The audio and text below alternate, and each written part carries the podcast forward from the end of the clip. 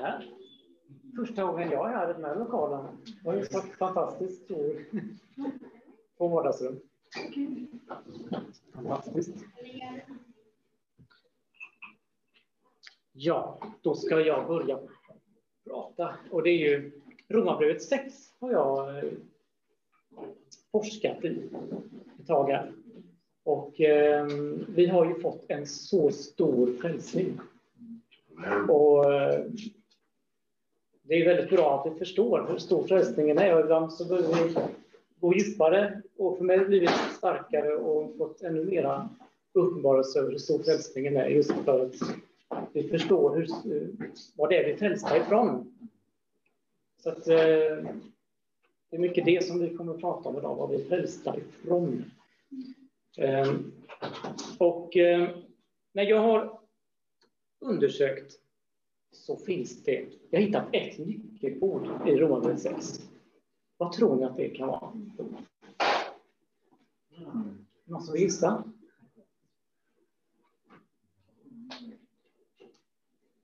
Nyckelordet är synden. Eh, jag har också kollat då, jag har inte liksom läst alla ställen, men jag har tagit reda på att det förekommer 55 gånger i Bibeln. Men enbart i Romarbrevet 6 så förekommer det hela 15 gånger. Och i Romarbrevet 7 så förekommer det 10 gånger. Så bara på två kapitel så är det ordet eh, nästan hälften av alla gånger i hela Bibeln.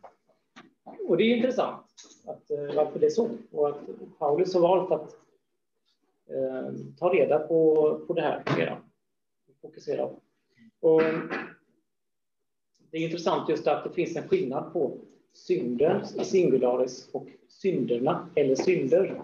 Så det ska vi gå igenom lite också. Eh, men om vi börjar med synden och dess kännetecken. Så eh, vi kan slå upp första Moseboken 2.16. Mm.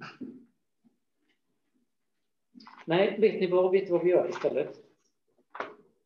Jag tycker vi, läs, vi läser hela Romarbrevet 6. Eller ja.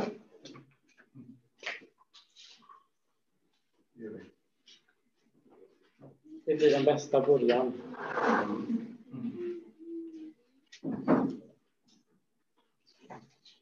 Ska vi se. 23 verser.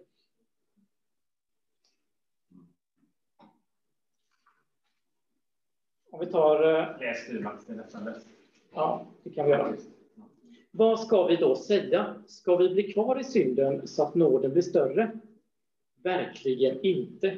Vi som har dött bort från synden, hur skulle vi kunna fortsätta leva i den? Eller vet ni inte att alla vi som är döpta till Kristus, Jesus, är döpta till hans död? Vi är begravda med honom genom dopet till döden för att leva det nya livet. Liksom Kristus är uppväckt från de döda genom Faderns härlighet.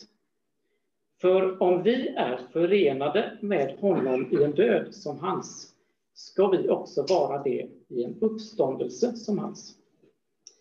Vi vet att vår gamla människa har blivit korsfäst med Kristus för att syndens kropp ska berövas sin makt så att vi inte längre är slavar under synden. Den som är död är förklarad fri från synden. Har vi nu dött med Kristus tror vi att vi också ska leva med honom. Vi vet att Kristus är uppväckt från de döda och aldrig mer dör. Döden har ingen makt över honom längre. Hans död var en död från synden, en gång för alla. Men hans liv är ett liv för Gud. Så ska också ni se på er själva. Ni är döda från synden och lever för Gud i Kristus Jesus. Synden ska därför inte regera i er dödliga kropp så att ni lyder dess begär. Ställ inte era kroppar i syndens tjänst som redskap för orättfärdigheten, utan ställ er i Guds tjänst. Ni som var döda men nu lever, ställ era kroppar i Guds tjänst som redskap för rättfärdigheten. Synden ska inte vara herre över er, för ni står inte under lagen, utan under nåden. Hur är det då? Ska vi synda eftersom vi inte står under lagen, utan under nåden? Verkligen inte. Vet ni inte att om ni ställer er som slavar under någon och lyder honom, då är ni hans slavar och det är honom ni lyder. Antingen synden, vilket leder till död, eller lydnaden, vilket leder till rättfärdighet. Men Gud vare tack. Ni var slavar under synden. Men nu har ni av hjärtat börjat lyda den lära som ni blivit överlämnade åt. Nu är ni befriade från synden och slavar hos rättfärdigheten. Jag använder en enkel bild för er mänskliga svaghets skull. Så som ni förr ställde era kroppar i orenhetens och laglöshetens tjänst till laglöshet, så ska ni nu ställa era kroppar i rättfärdighetens tjänst till helgelse. När ni var slavar under synden var ni fria från rättfärdigheten. Men vad fick ni då för frukt? Sådan som ni nu skäms över, eftersom det slutar i döden. Men nu, när ni är befriade från synden och slavar hos Gud, får ni helgelse som frukt och till slut evigt liv. Syndens lön är döden, men Guds gåva är evigt liv i Kristus Jesus, vår Herre.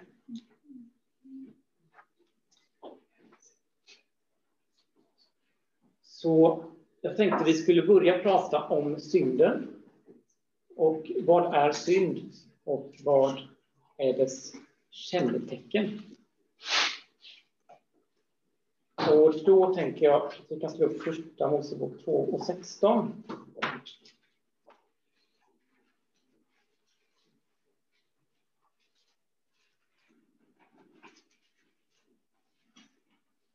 Och detta är ju när eh, Eh, Gud har skapat allting. Han har skapat Adam. Eva är inte skapad än.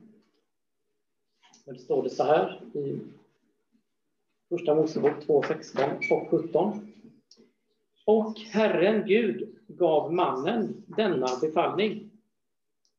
Du kan äta fritt av alla träd i lustgården. Men av trädet med kunskap om gott och ont ska du inte äta. För den dag du äter av det ska du döden dö.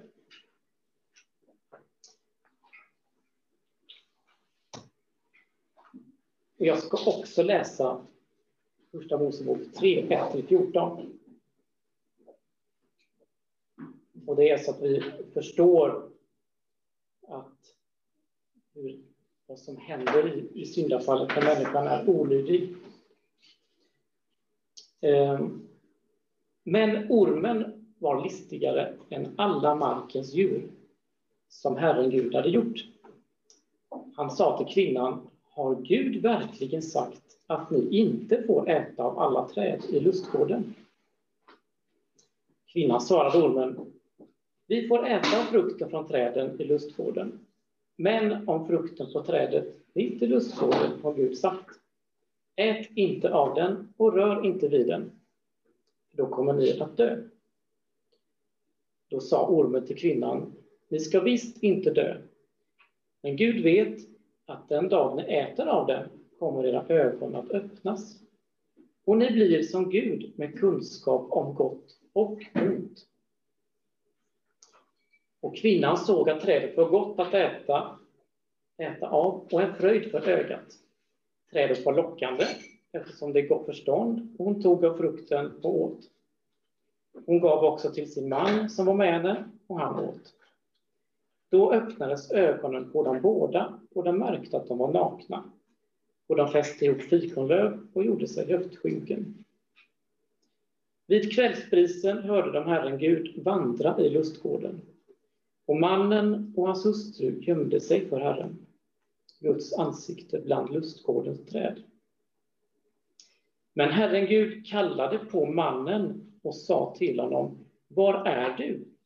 Han svarade, Jag hörde ljudet av dig i lustgården och blev rädd, eftersom jag är naken. Därför gömde jag mig. Då sa han, Vem har berättat för dig att du är naken? Har du ätit av trädet som jag förbjöd dig att äta av? Mannen svarade, Kvinnan som du satte vid min sida, hon gav mig av trädet och jag åt. Då sa Herren Gud till kvinnan, vad är det du har gjort? Kvinnan svarade, ormen förledde mig och jag åt. Så att här ser vi att det, det pågår ett samtal mellan, först, mellan kvinnan och ormen. Och från det att eh, ormen sår in eh, olika saker här så kan man se direkt då att... Eh, ska vi se. Jaha, de kommer så. Det första som händer i vers 1 eh, är att han sår in otro eller upproriskhet. Har Gud verkligen sagt? Det här är ju verkligen en eh, attack emot Guds ord och det som Gud har sagt. Har Gud verkligen sagt? En eh, att det är uppror, otro och eh, upproriskhet. Och sen ser vi att i vers 4-5 då sa ormen till kvinnan, ni ska visst inte dö. Men Gud vet att den dagen ni äter av den kommer era ögon att öppnas. Och ni blir som Gud, med kunskap om gott och ont. Så här ljuger ormen och säger att de inte ska dö. Eh, och att de istället ska kunna bli som Gud. Och, att, och det som är lockande där, det är att människan kan bli oberoende.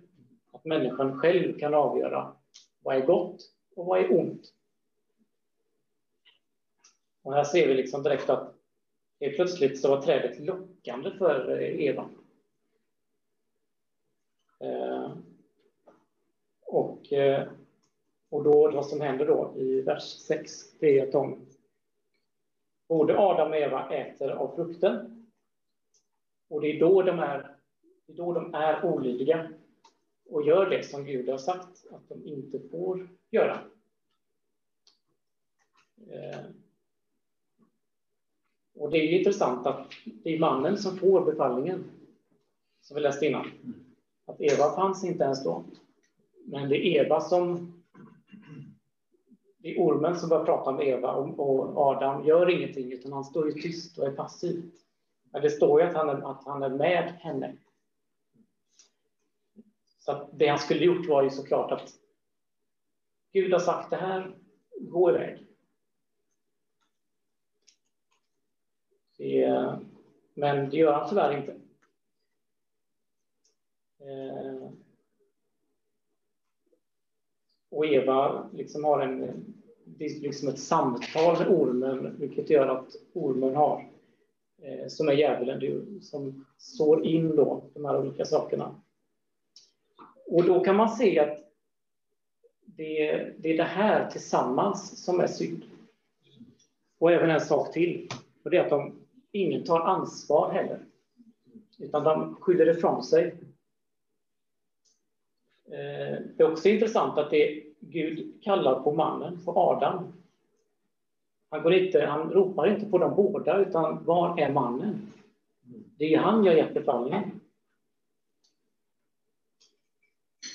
Och då kommer det in, med synd så kommer det in rädsla också. Och eh, det står ju också att eh, den som, inte, den som är rädd är inte fullkomnad, fullkomnad i kärleken. Så att man kan se att det är synd direkt kopplad med, med rädsla också. Eh, men eh, Adam han går och gömmer sig. Och eh, Och sen när Gud, när de pratar, så, så skyller han på Eva. Och Eva skyller på ormen och ingen tar ansvar. Så man kan säga att alla de här fyra sakerna, det är synd. Men framför allt de tre första, otro, oberoende och olydnad. Så att vilken synd vi än begår så är det i otro, i upproriskhet, i oberoende, i olydnad. Att det är emot det som Gud vill. Så att eh, jag kan, nu ska jag faktiskt, eh, jag vet ju hur bra jag är på att rita. Så jag tänkte öva lite. Oj. Ska jag se dem där eller? Ska jag tänka oss? Ja, det blir perfekt. Här, nu ska vi rita ett eh, träd, tänker jag. Det är bra att jag, jag får säga innan vad det är. Så. Något sånt där. Man, kan, skulle kunna säga att synden, det är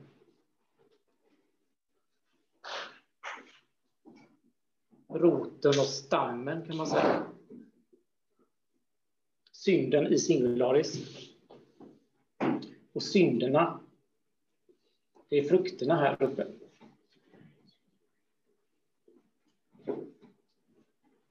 Så synden, otro, oberoende, olydnad. Sen kan, det, sen kan man ju begå olika synder. Det kan ju vara... Oj, oj, oj. Avundsjuka till exempel. Eh, avundsjuka. Eh, kan vara eh, stöld om man stjäl någonting. Man eh, ljuger. ljuger.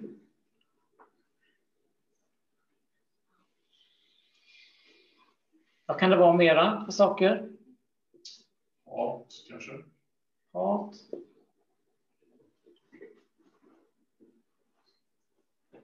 Våld.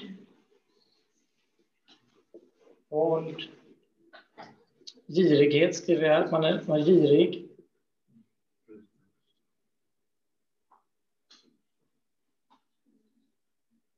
Orenhet. Man skulle kunna ha massor av saker där. Och eh, eh synden, när, vi, när Adam och Eva syndade och lämnade Gud, per automatik så blev hela mänskligheten, gick bort ifrån Gud. För att synden kom in i människan. Och, och alla, och hela mänskligheten, Adam och Evas barn och så vidare, så hela mänskligheten fick ett, ett virus som inte gick att ta bort, utan det bara fortsatte i mänskligheten. Så att människan blev förstörd.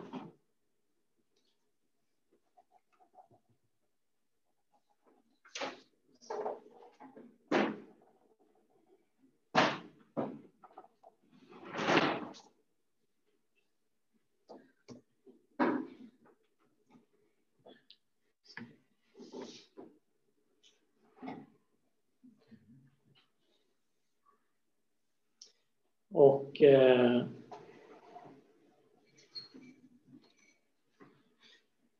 Så att människan, vi kan inte riktigt förstå hur förstörda vi blev. vi blev människan blev totalt förstörd. Eh, helt avskild från Gud. Eh, vi kan inte förstå den gemenskapen som Adam och Eva hade med Gud innan synden kom in i dem. Eh, det kommer vi bara förstå när vi står ansiktena, mot ansikte med Jesus. Då kommer vi förstå vad, vad det är de hade innan. Men eh, människan blev totalt förstörd på grund av synden som kom in. Och eh, man kan se att det som Satan sådde in i Eva och Adam och när de åt, det har blivit som en förbannelse i hela eh, mänskligheten och för alla människor. Och de sakerna som man kan identifiera här, de här sakerna, det kan man se, det är direkt någonting som eh, det finns i, i människan. Och redan från eh, små barn till och med, så att man kan se de här. Eh, så att människan är lurad och tror då att jag är en god människa. Det har vi testat, eller hur Anders? Vi har gått ut på stan och frågat, är du en god människa? Ja, jag är en god människa. Har du ljugit någon gång? Ja, jag har ljugit. Har du stulit någonting någon gång? Ja, jag har stulit. Och så inser de att nej, jag är inte så god. Mm. Men det är liksom, man, man tänker om sig själv att men jag är ju bra, liksom. jag är en god människa. Liksom. Det, är den, det, är, det är en lögn då som människan tror, den här självrättfärdigheten då. Ehm. Och jag själv kan avgöra vad som är gott och ont.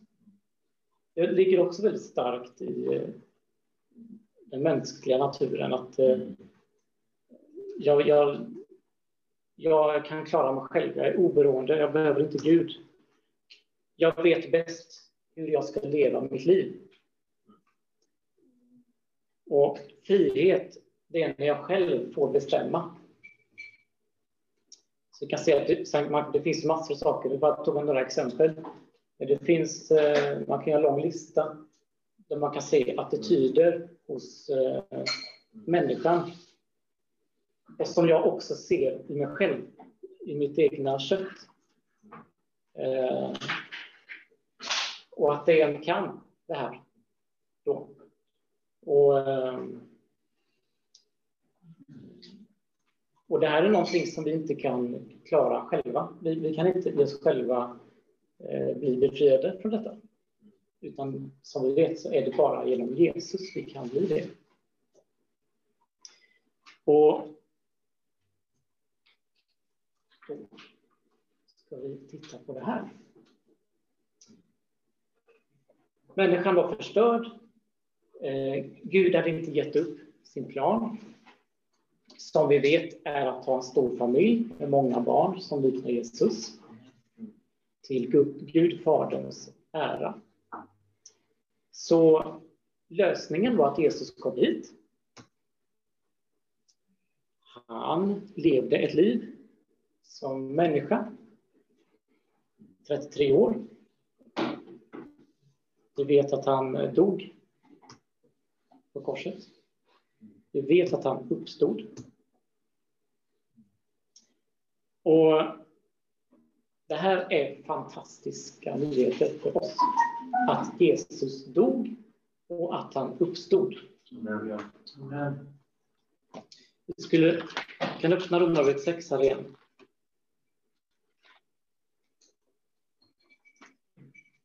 Um, och så kan vi läsa igen det här. Vet eller vet ni inte att alla vi som är döpta till Kristus Jesus är döpta till hans död. Vi är begravda med honom genom dopet till döden för att leva det nya livet, liksom Kristus är uppväckt från de döda genom Faderns härlighet. För om vi är förenade med honom i en död som hans, ska vi också vara det i en uppståndelse som hans. Vi vet att vår gamla människa har blivit korsfäst med Kristus för att syndens kropp ska berövas sin makt så att vi inte längre är slavar under synden. Har vi nu dött med Kristus tror vi att vi också ska leva med honom. Vi vet att Kristus är uppväckt från döda och aldrig mer dör. Döden har ingen makt över honom längre. Hans död var en död från synden en gång för alla. Men hans liv är ett liv för Gud. så ska också ni se på er själva. Ni är döda från synden och lever för Gud i Kristus Jesus. För mig har det här blivit väldigt starkt att eh, jag är död från synden. För att eh, vi, vi pratar mycket om, vi undervisar mycket om och det ska vi fortsätta att göra, att vi har ett nytt liv med Jesus. Men hur starkt det är att vi är döda från synden. Och att det är någonting som jag har börjat att just att det, det, är en sån uppmaning att vi, det, vi, vi, ska se, vi ska se på oss själva att vi är döda från synden. Och jag har faktiskt upplevt att det eh, med den här uppenbarelsen så det blir det blir lättare att leva i, i frihet. Att eh, när det kommer attacker, tankar, fienden vill så in, attackera med pilar. Att nej, men jag, jag är död, jag är död från synden. Och proklamera det. Det är, en, det är faktiskt en kraft i det. Och det är en stor resurs som vi, som vi också har som ett eh, vapen. Att vi är döda från synden. Och eh, vatten. Här är jag och vi.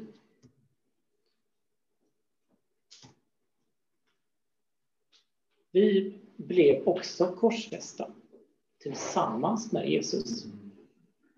Så vi dog. Vi, eh, hans, eh, vi blev liksom... Det är ett eh, mysterium det här med, med Jesu död och vår död. För det, det står att människan dog när synden kom in. Och det står att vi, vi också dör när vi i, i dopet. Och att vi, vi, får, vi får Jesu död. Och I samma stund så blir det vår erfarenhet att vi också vi dör tillsammans med Kristus på korset. Amen. Och vi dör från synden. Och det här var det, det var det enda sättet för oss att bli fria från synden och bli fria från viruset. Det var att dö. Det fanns inget annat sätt. Vi var, vi var tvungna att dö. Det, det gick inte att rädda. Eh, våra, våra liv gick inte att rädda på ett annat sätt, utan det som vi hade, det som vi var, det behövde dö. Och det gjorde vi på korset tillsammans med Jesus. Och sen, när vi hade dött, då får vi också uppstå tillsammans med Jesus. Och nu är vi i Kristus. Vi är i Kristus Jesus, som står i Galaterbrevet, att vi, vi är iklädda. Genom dopet så är vi iklädda Jesus, så vi har fått hans rättfärdighet, Sören, som vi har experter på nu, eller hur? Jag har själv inte hört undervisningen, men mm. det ser fram emot att få göra. Så, men vi är iklädda Kristus. Så att det är vilken stor frälsning vi har fått. Vi var helt förstörda. Vi hade ett liv helt utan Gud. Men nu har vi ett liv med Gud i Jesus. Och det är också väldigt intressant, som också blivit eh, jag har, inte, jag har tyckt det varit så lite... När man läser om eh, tjänare och framförallt slavar så känns det lite så mm. Men det står, på, det står på så många ställen att vi är slavar till Gud. Och i det här, i Romarbrevet 6 står det flera gånger om att antingen så är ni slavar under orättfärdigheten och synden eller så är ni slavar under rättfärdigheten. Så att vi är, liksom, vi är slavar oavsett. Eh, och för oss så är det... Eh, vi är så ovana vid det. Liksom. Jag tänker direkt på så här, USA, man hämtade människor från Afrika, förde dit och de, det var ett fruktansvärt slaveri. Och det är mycket det man tänker som slavar idag, att eh, det var väldigt utsatt, förtryckta människor och utnyttjade på alla möjliga sätt. Det är den bilden som man har. Men det är intressant att när man läser så eh, på den här tiden när Paulus skrev brevet till romarna och så var det väldigt naturligt i samhället. Att, att det fanns slavar i samhället, det var hur naturligt som helst. Ehm, det ska vi gå in på strax. Jag vill bara nämna att innan vi lämnar just det här med eh, Romarbrevet 6 och 6 där vi vet att vår gamla människa har blivit korsfäst med Kristus för att syndens kropp ska berövas sin makt så att vi inte längre slavar under synden. Att det är också intressant att det, det låter, det verkar som att synden har en kropp. Och den hade en makt över oss. Men när vi dog med Jesus så hade inte längre synden den makten över oss. Mm. Och eh, jag bara kom att tänka på det. det precis efter syndafallet, när de blev förvisade från, synda, eh, från eh, lustgården, så säger Gud där att eh, synden lurar vid din dörr, men du ska råda över den. Så Gud ger redan liksom ett löfte framåt att vi ska råda över synden. Eh, och det är genom Jesus såklart. Men att... Eh, och sen att det står ju också att synden har, eh, den har begär till oss. Synden ska därför inte regera i er dödliga kropp så att ni lyder dess begär. Och eh, just det här begäret och makten, den bryts genom döden. Amen. Så död är något positivt. Döda från synden. Men nu det här med slavar och herrar. Jag tänkte, bara för att förstå det lite mer, så ska vi gå igenom ett antal texter där. Ehm, just hur naturligt det var, förstår man, på den, på den tiden. Och det var mycket tillrättavisning också. Genom alla breven egentligen i eh, Nya Testamentet så är det mycket uppmaningar till både herrar och slavar. Och det var liksom det var naturligt att det var så att eh, det fanns alltså man, människor som eh, ägde andra människor. Och där det var herr, att de var herrar över sina slavar. Och det var, det var liksom så det var. Och till och med, det står mycket då som sagt, eh, mycket uppmaningar om det här. Så till exempel, ni slavar, underordna er era herrar och visa dem all respekt. Inte bara de goda och milda, utan även de hårda. Det är en nåd när någon är medveten om Gud och därför håller ut när han får lida oskyldigt. Ni tjänare, lyd era jordiska herrar. Visa dem vördnad och respekt med uppriktigt hjärta, så som ni gör mot Kristus. Var inte ögontjänare som försöker ställa sig in hos människor, utan var Kristi tjänare, som gör Guds vilja helhjärtat. Tjäna villigt och glatt. Gör det för Herren och inte för människor. Ni vet ju att var och en som gör något gott ska få sin lön av Herren, vare sig han är slav eller fri. Och ni herrar, gör på samma sätt mot era tjänare. Och sluta hota. Ni vet att ni har samma Herre i himlen som dem. Och han är inte partisk. Kolosserbrevet 3 och 22 och 25. Ni tjänare, lyd era jordiska herrar i allt. inte som inställsamma ögontjänare, utan med ett uppriktigt hjärta i vördnad för Herren. Vad ni än gör, gör det av hjärtat som för Herren och inte för människor. Ni vet att det är av Herren ni ska få arvet som lön, och det är Herren Kristus ni tjänar. Den som gör året ska få igen den året han har gjort, utan partiskhet. Kolosserbrevet 4 och 1. Ni herrar, låt era tjänare få vad som är rätt och rimligt. Ni vet ju att ni också har en Herre i himlen. Förmana tjänarna att underordna sig sina herrar i allt, att tjäna dem helhjärtat och inte säga emot, att inte smussla undan något, utan alltid visa sann trohet, så att de i allt är en heder för Guds och frälsares lära. Och Apostlagärningarna 16 och 16 så beskriver Paulus att de var ute och gick någon, en dag och en gång när vi var på väg till böneplatsen så möttes vi av en slavflicka som hade en spårdomsande och skaffade sina herrar stora inkomster genom att spå. De som är troende herrar ska inte se ner på dem för att de är bröder, utan tvärtom tjäna dem så mycket billigare eftersom de som tar emot deras goda tjänst är troende och älskade. Så ska du undervisa och förmana.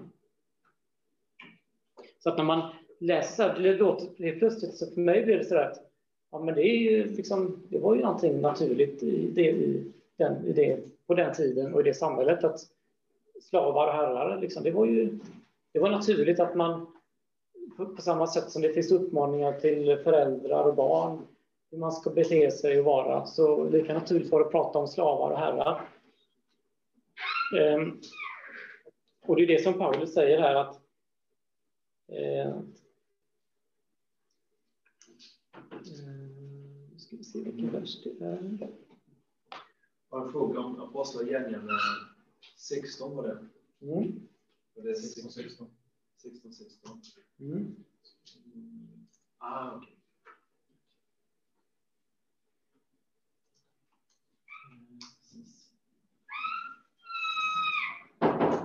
Där I vers 18, eh, Romarbrevet 6 och 18.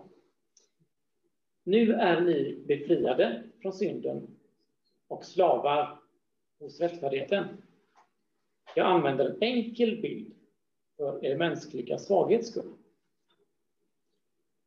Men för oss är inte den bilden så enkel, utan det är därför vi behöver se hur naturligt det var i det samhället. För att för romarna på den tiden, då var det enkelt. Men för oss är det lite så där, vi tänker ju slavar som det här hemska tortyr liksom och, eh, men det är intressant att det finns ju, Det såg i de här texterna att det finns god, goda herrar som tog hand om sina slavar och att vara slav för någon, det kunde vara någonting ganska bra. För att man, om man hade en god herre som tog hand om en och man fick, eh, man fick arbeta såklart. Man hade ingen, man kunde inte bestämma själv över sitt egna liv, men man, eh, någon annan bestämde över en. Och man, så att när jag tänker mig in i det här, och framförallt när man tänker på den förlorade sonen och sonens, eller pappan där då, han, han var ju en herre och hade slavar och tjänare som tillhörde honom, som han eh, tog hand om. Och då förstår man liksom att när, när sonen uttrycker att men, det är bättre att jag får bli en slav hos min pappa, och då får jag det bra.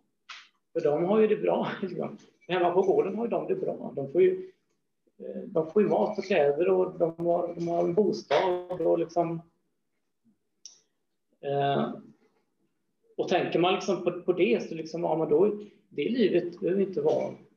Om man jämför med det livet mot vad vi kanske har för bilder med att vara slav. Det är en väldigt stor skillnad. Och har man dessutom Gud som Herre, att Jesus är Herre, som är liksom den, den, den godaste den godaste som personen som finns, Jesus. Det finns ingen mer god person. Är, Jesus är den godaste personen. Att ha honom som Herre, det är ju det bästa vi kan. Och, så att, och då tänker jag så här, och dessutom, inte bara att han är den godaste personen och, och våran Herre, så är han vår storebror och Gud är vår pappa. Så vi har, det blir så starkt då liksom att,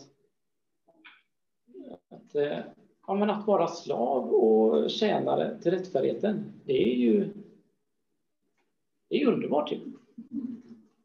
Och det är intressant att en av de här texterna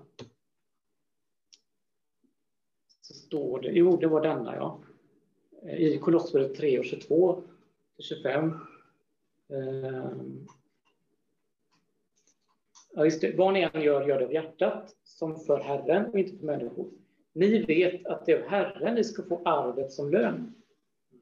Men slavar, vanliga slavar, får ju inte något arv såklart, utan det är bara barn som får det. Bara, och, men, men här är det, är det liksom både och. Att eh, de här eh, tjänarna som Paulus talar till då, ni tjänare, som också betyder slavar, för, slavar, för det är samma eh, ord i grundtexten. Så många, på många ställen där det står tjänare så betyder det slav också. Och eh, det är intressant att här är de då, de är på, här på jorden så är de slavar till en, en människa som är en herre. Men de är Guds barn och kommer få ett arv. Så det, det är väldigt fint det här och liksom att lyd era, lyd era herrar. Eh, ni kommer få ett arv. Och liksom, det, man, man, man förstår ju man tänker sig in i de personerna som var slavar på den tiden. Och så får man höra det här liksom att jag är en slav, jag, jag har ingen, man kallar det för livegen, jag har ingen egen vilja utan någon annan äger mig. Men jag har en tro på Gud och jag är Guds barn. Och jag kommer få ett arv. Det blir ju otroligt starkt. Och på samma sätt är det ju för oss också. Så eh, ja, det, så det, det är fantastiskt att vi kan vara slavar till rättfärdigheten. För att Jesus har ju köpt oss. Som Daniel predikade om. Att eh, Gud värderade upp, det var så fint du sa det, att Gud värderade Jesu blod så högt så att han betalade och köpte oss.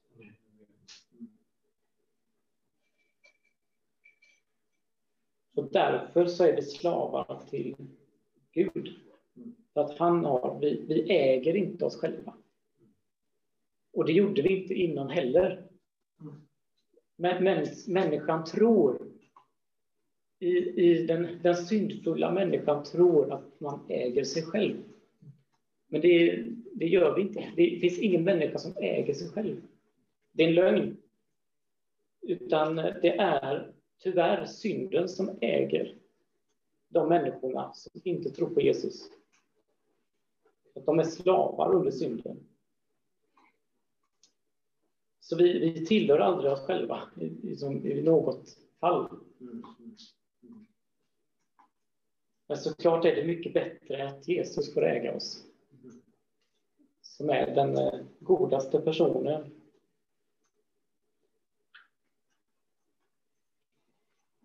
Amen.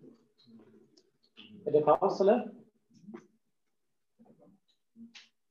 Mats, och bara som om det är någon som undrar om kännare, mm. att det står verkligen så som du säger, det står eh, Dolos. Dolos är det, ja, precis. Det är många gånger som står kännare, men det är faktiskt slavar och andra gånger som ja. slavar. Dekoner och slavar.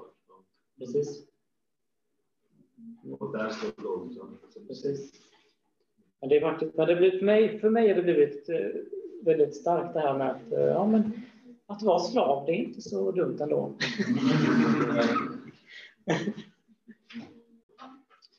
jo. Um, nu ska vi gå in lite på hur Gud ser på människan. Vi pratade lite innan om hur människan ser på människan. Um, men vad, hur ser egentligen Gud på, på människan? Och det är motsatsen här då. Så att, eh, I oss själva så är vi onda och vi behöver Jesus. Och jag är helt beroende av Gud att kunna avgöra vad som är gott och ont. Att jag, jag kan inte avgöra det själv, vad som är gott och ont, utan det är bara Gud som kan det. Och vi är helt beroende av honom. Och det är därför vi behöver vara, leva i beroende av Gud. Och Gud vet bäst hur jag ska leva mitt liv. Jag vet inte det. det man kan ha massor av föreställningar och vi, människan är lurad att tro att man vet det, men Gud vet bäst. Det är på samma sätt som eh, som jag vet vad som är bäst för mina barn. Eller att jag vet kanske i alla fall lite mer än vad de själva vet vad som är bäst för dem. Är det du säger? Mm. att, eh, det är ett ganska bra exempel att som barn så kan man tycka, eller litet barn, att men, eh, det är jättebra om jag får äta glass varje dag till exempel, eller hela tiden. Men det är inte så bra, vet vi men, men Gud vet bäst hur jag ska leva mitt liv. Och frihet, det är när Jesus är Herre i mitt liv. Och när han får bestämma. Det är, det är äkta frihet. Människan vill eh, och tycker att frihet är när jag själv får bestämma, men den, det är när Jesus är Herre. Det är då vi är fria, det är då vi är verkligt fria.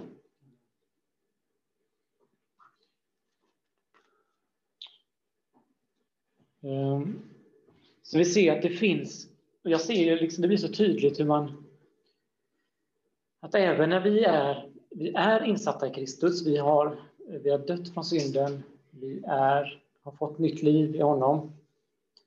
Men vi ser att det finns fortfarande eh, tankesätt som eh, finns kvar, tankemönster från den gamla människan.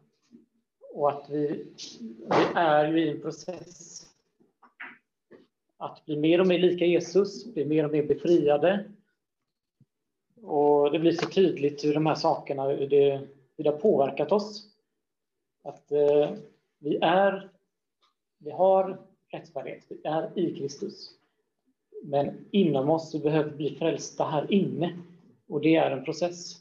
Vår själ behöver bli frälst, vi behöver bli genomfrälsta. Och det är ju det här som, som Gud håller på med varje dag i oss. Och ehm, det står ju här i ehm, 6 och 22, i Romarbrevet 6 och 22. Men nu när ni är befriade från synden och slava hos Gud får ni helgelse som frukt och till slut evigt liv.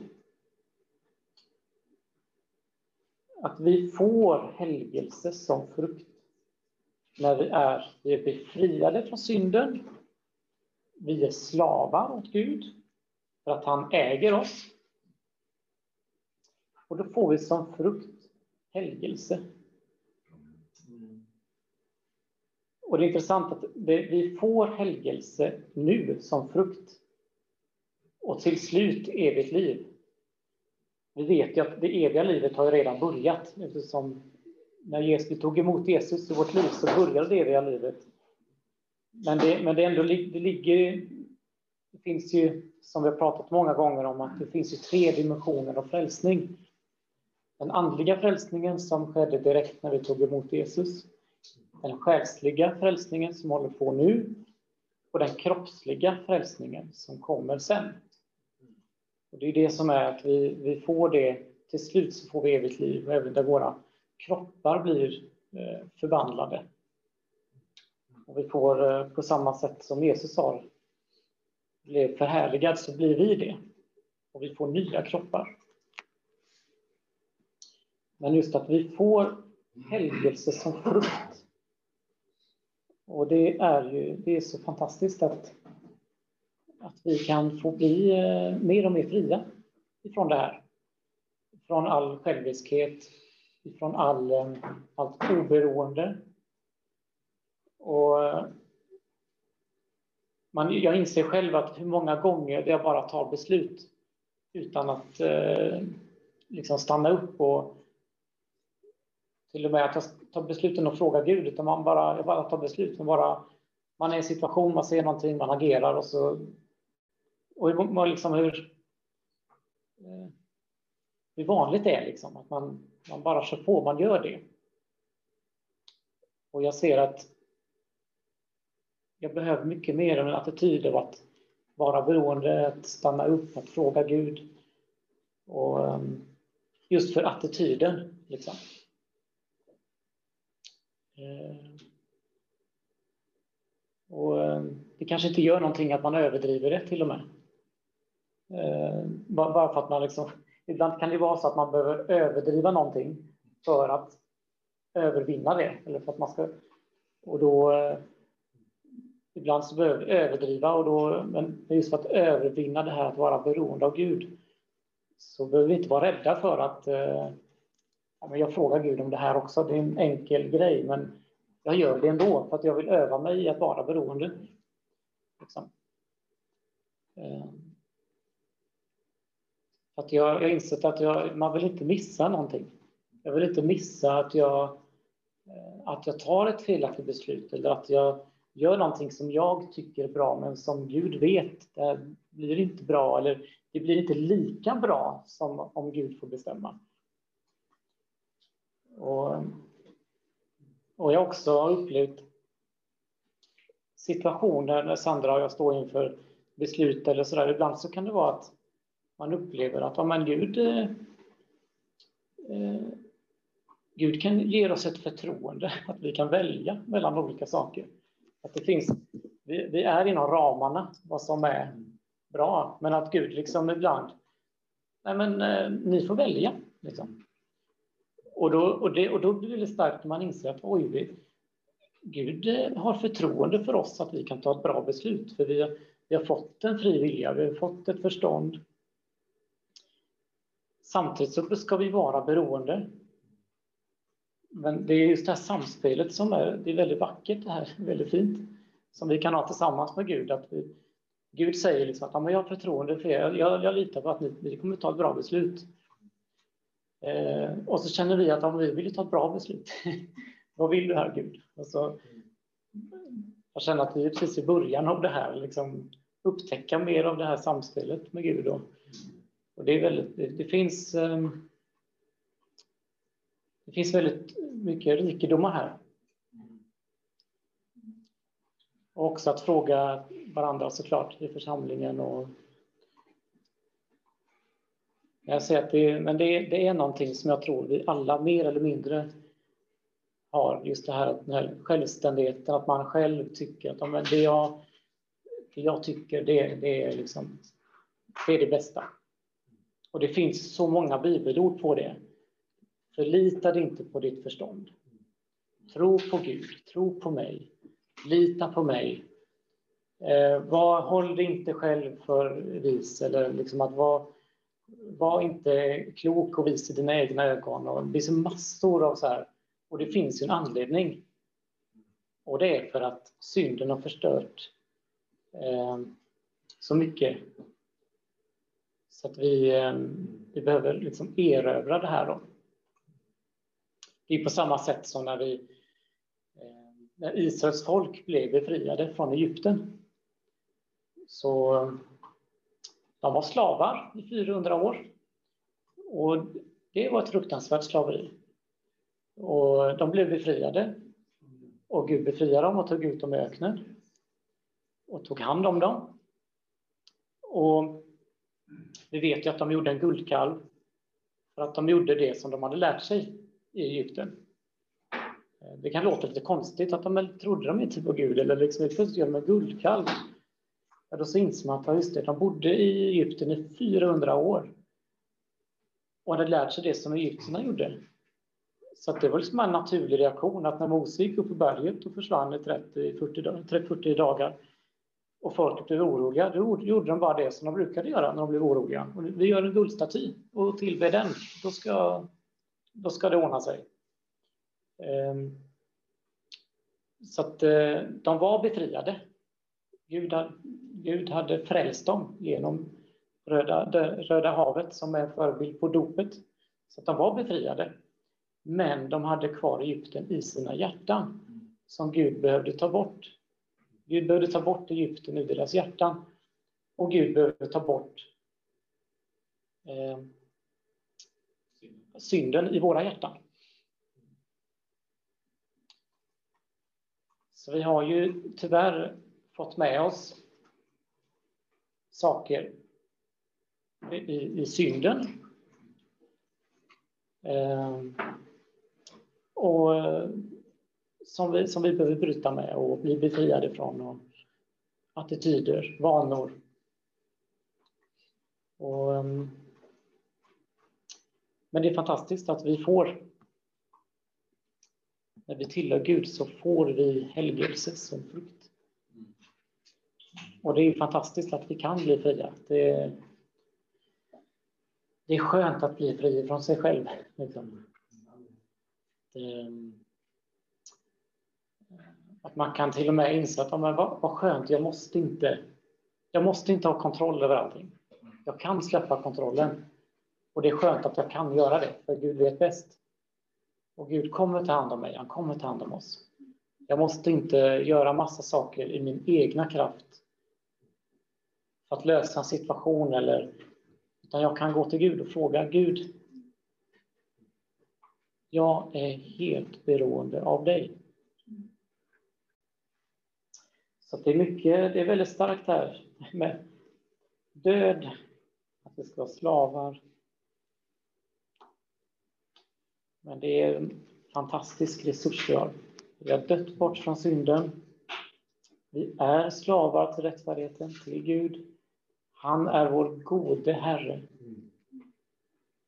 Gud är den gode Herren som vi har. Han tar hand om oss. Och det är vi, vi är ju skapade till. Vi är skapade till gemenskap med Gud. Vi är skapade till att våra själar ska vara stilla och ha frid. Och eh, det är så skönt när vi... Jag tror att vi alla har upplevt det många gånger, just den här känslan. Vad skönt nu nu är min själ stilla. Nu är den underordnad. Och det är så skönt. Liksom nu, nu, nu, är, nu, är Jesus, nu är Jesus verkligen Herre. Att han, han är ju det, såklart. Men eh, våra själar vill ju ibland liksom, ta över och få bestämma och göra sin vilja. Men, att, eh, men när vi säger nej, själ, du ska underordna dig, du ska vila, du ska vara stilla. Och när den är det så är det, det är underbart. Amen. Vi kan be. Tack Jesus för din stora befrielse. Tack Jesus att du har dött på korset. Tack Jesus att eh, du tog all synd på dig och dog. Och tack Jesus att vi dog. Att vi också dog. Vi har dött. Herre. Vi har dött vi bort, bort från synden. Tack Gud att eh, syndens makt inte har någon makt över oss längre. Tack att vi, vi är inte slavar under synden. Tack att vi är slavar till rättfärdigheten. Tack Gud. Tack Gud att du har köpt oss Jesus. Tack Jesus att vi får tillhöra dig. Ja, Gud. Jesus, befria oss från oss själva, befria oss från det här som vill komma över oss, att vi tillhör oss själva eller att vi äger oss själva. Att vi vill verkligen komma in i det fullt ut, att du äger oss. Och det är, det är så befriande att du äger oss. Tack Gud. Halleluja. Herre, vi ber om mer uppenbarelse över detta. Vi vill förstå mer och få mer uppenbarelse över, det, över, över den här verkligheten som vi lever i, att, att vi tillhör dig. Amen. Och att det ska påverka, det ska få utgå från det och få, att det ska påverka våra beslut och våra, vår inriktning, Herre. Tack Jesus. Vi vill inte göra saker bara i vår egen vilja, Herre. Utan vi vill ha en attityd av att du är Herre. Jesus är Herre. Ja, jag måste fråga min Herre. För, förlåt mig Jesus för att jag så många gånger har, har tagit egna beslut. Och jag vill omvända mig, Herre. Jesus. Synderna och synden. Du har pratat om det här. Ja. Synden i singular och synderna i plural. Så eh, jag undervisade om, om synderna, om, Jesu, om eh, hur Jesus tog itu med synderna. Och du har pratat om här om synden och hur, vad lösningen var för synden. Men, vi kommer ihåg, vad var lösningen för synderna? Blodet. Så det var Jesu blod.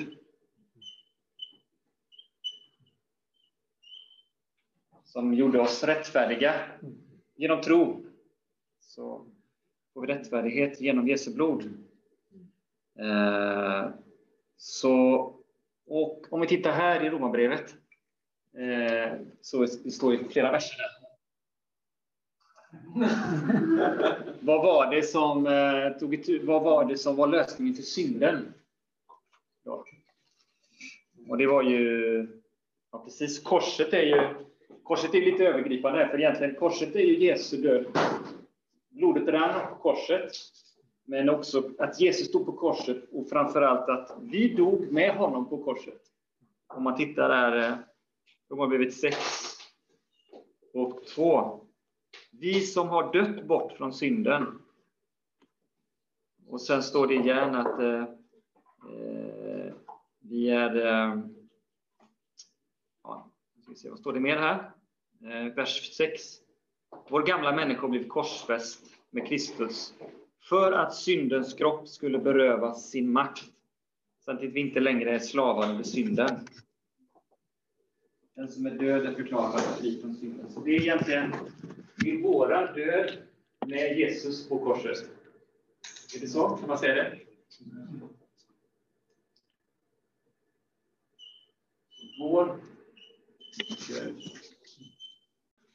Jesus behövde dö och vi behövde dö som du precis har sagt. Här. Vi behövde dö, för det var lösningen på synden.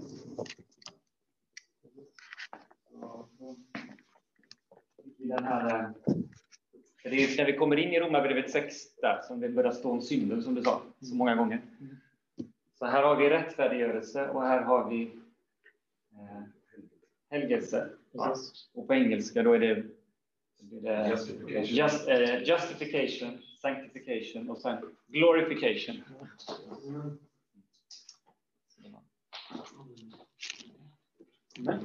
Underbart Mats, fantastiskt. Vi kan fortsätta att tacka och lovsjunga. Tacka Gud.